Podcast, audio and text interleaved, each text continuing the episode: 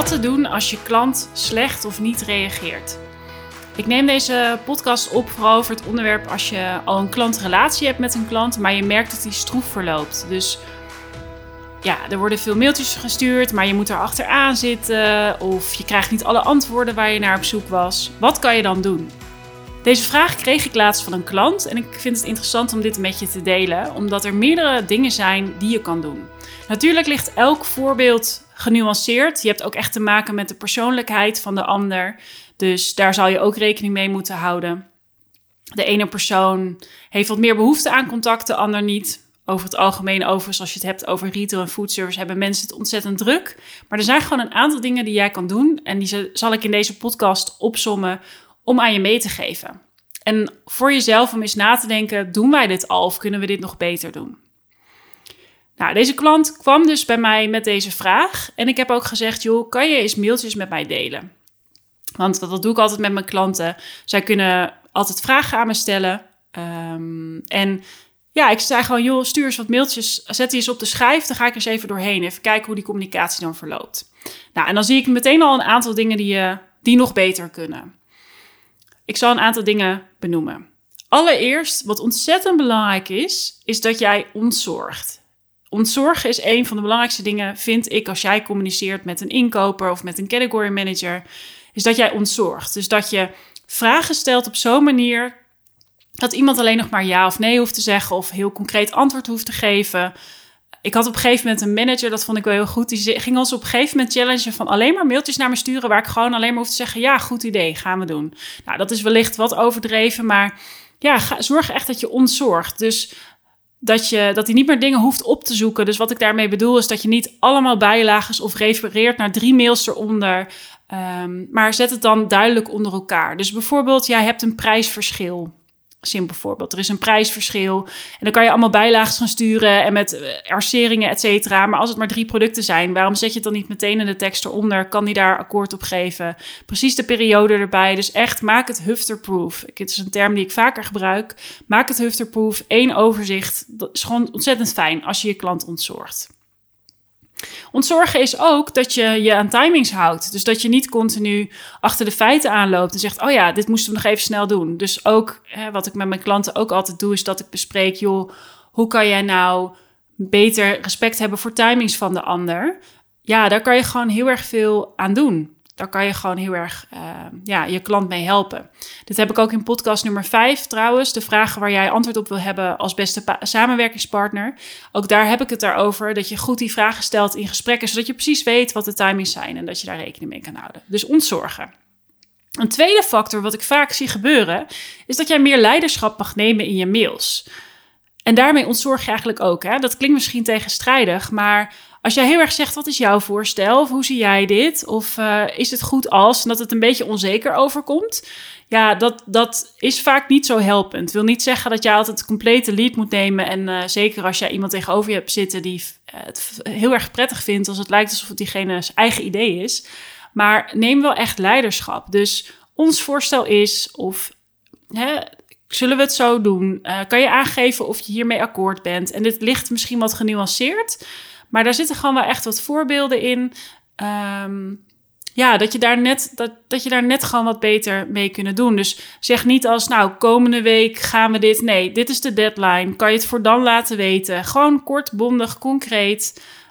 Um, ja, dat, dat je gewoon leiderschap daarin neemt, dat je met een voorstel komt. Dus nog een ander voorbeeld. Ik zit even te denken wat ik kan verzinnen. Nou, stel je hebt producten die je gedurende het jaar even uit de schappen haalt. Bijvoorbeeld je hebt verkoopt biologische producten, die kan je niet jaar rond verkopen.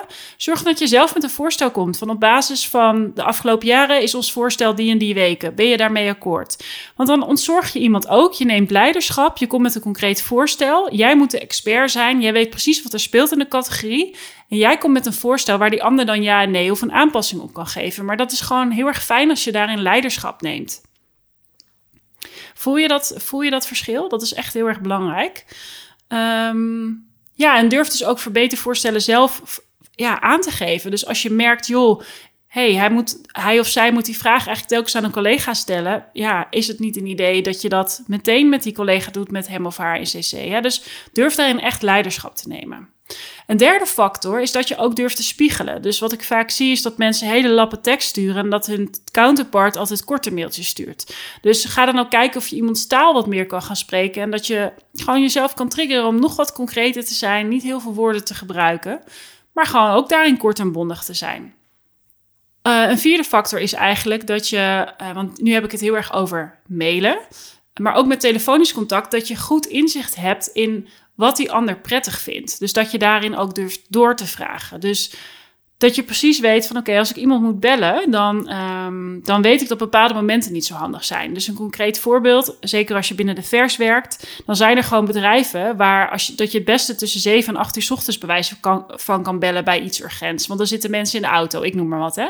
En dan is dat dus prettig. En dus niet om 9 uur als iemand zijn mail opent en helemaal uh, de, de hectiek weer ingaat. Of dat ze precies een interne deadline hebben. Dat ze elke ochtend om half tien iets moeten doen. Of op donderdagochtend dat ze overleg hebben dat de folder definitief wordt gemaakt. Ik roep maar wat. Maar het is gewoon prettig als je dat soort dingen weet. En dat je dus aan weet te voelen op een gegeven moment wanneer je iemand op het beste moment kan bellen.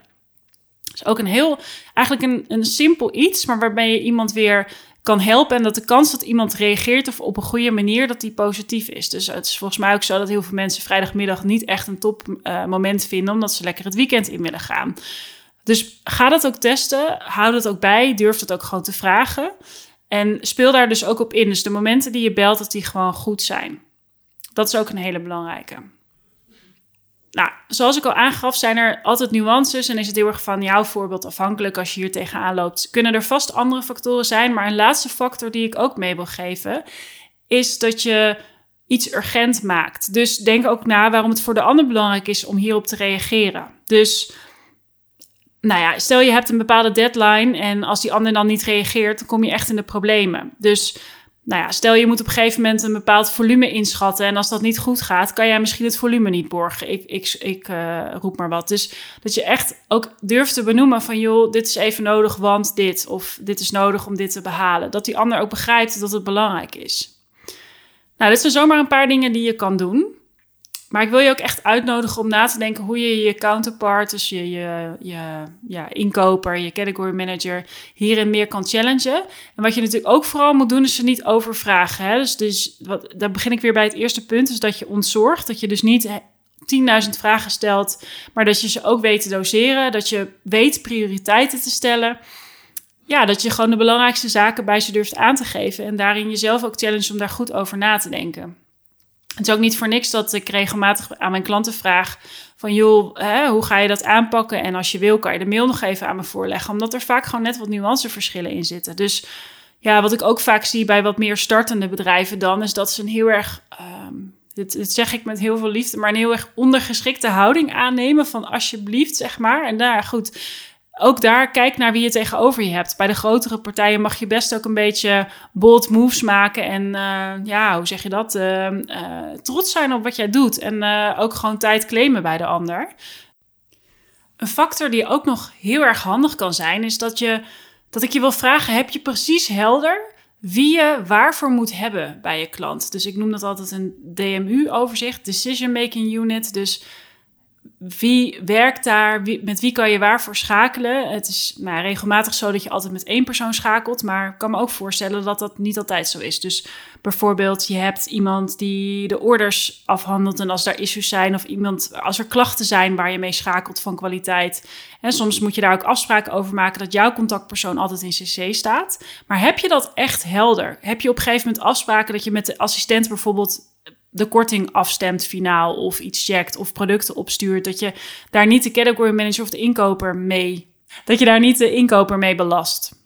Dat is dus een belangrijke. Heb je dat precies helder? Heb je daar afspraken over? En andersom ook. Is het voor jouw klanten precies duidelijk wie ze waarvoor moeten hebben? Want dat zie ik echt. Ik zie CC-culturen waar ik echt van schrik. Dat, dat iedereen, de hele goede gemeente staat in de CC. Nou, dat is ook helemaal niet prettig. Wie voelt zich dan aangesproken? Dus vaak uh, worden dingen ook meteen allemaal opgepakt, wat helemaal niet hoeft. Dus ook andersom is het voor jouw klanten precies duidelijk wie ze waarvoor moeten hebben. En ehm, ik zou zeker aanraden om de commerciële contactpersonen één persoon te laten zijn. Of als jij met meerdere lagen werkt, dat dus bijvoorbeeld de category manager met account manager A schakelt en de senior met uh, persoon 2. Dat je ook een, een escalatiemodel hebt, zo noem ik dat altijd. Dus als er iets is, dat je ook een stapje hoger kan. Maar ja, ook daar is mijn vraag: is dat heel duidelijk? Weten ze precies wie ze waarvoor moeten hebben?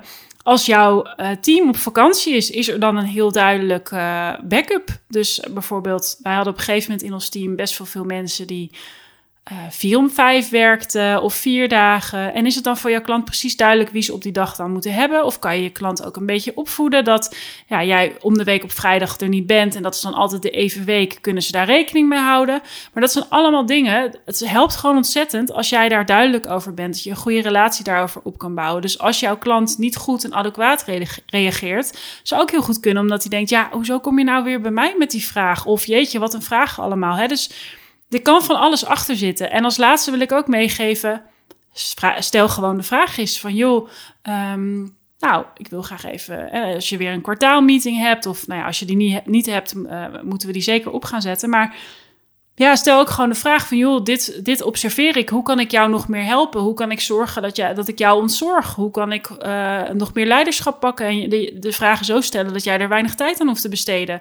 Wat doe jij met andere klanten wat je goed vindt werken? Dan kom ik weer terug op de podcast die ik hiervoor al over opnam. Nummer 5, de vragen die jij hebt te stellen. Maar dit zijn allemaal dingen die jij kan doen om gewoon beter en sneller antwoord te krijgen. En um, ja, nogmaals, het kan best genuanceerd liggen en dat in jouw geval het uh, met andere factoren te maken heeft. Ik heb ook met category managers en inkopers in het verleden mogen werken die gewoon echt een handleiding hadden. En als je die wist te kraken, dan had je ineens een fantastische relatie. Dus hè, tuurlijk kan dat ook allemaal zo zijn. Maar dit zijn over het algemeen dingen die je altijd kan doen. Dus ik nodig je uit om hier eens over na te denken ja, doen we dit al? Kan dit beter? Hebben we hele duidelijke verantwoordelijkheden in het team? En uh, ja, zo niet zou ik daar zeker mee aan de slag gaan.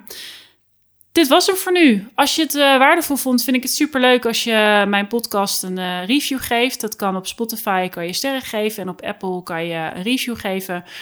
En ja, ik uh, wens je heel veel succes met, uh, met uh, meer en betere reacties krijgen van jouw klanten. Want efficiënt en effectief werken, ja, dat, daar word, word ik tenminste heel erg blij van. En dan kan je nog betere resultaten gaan halen, allebei. Want dat is wat je wil, hè? winnen met je klant, allebei groeien. En dat was hem voor nu.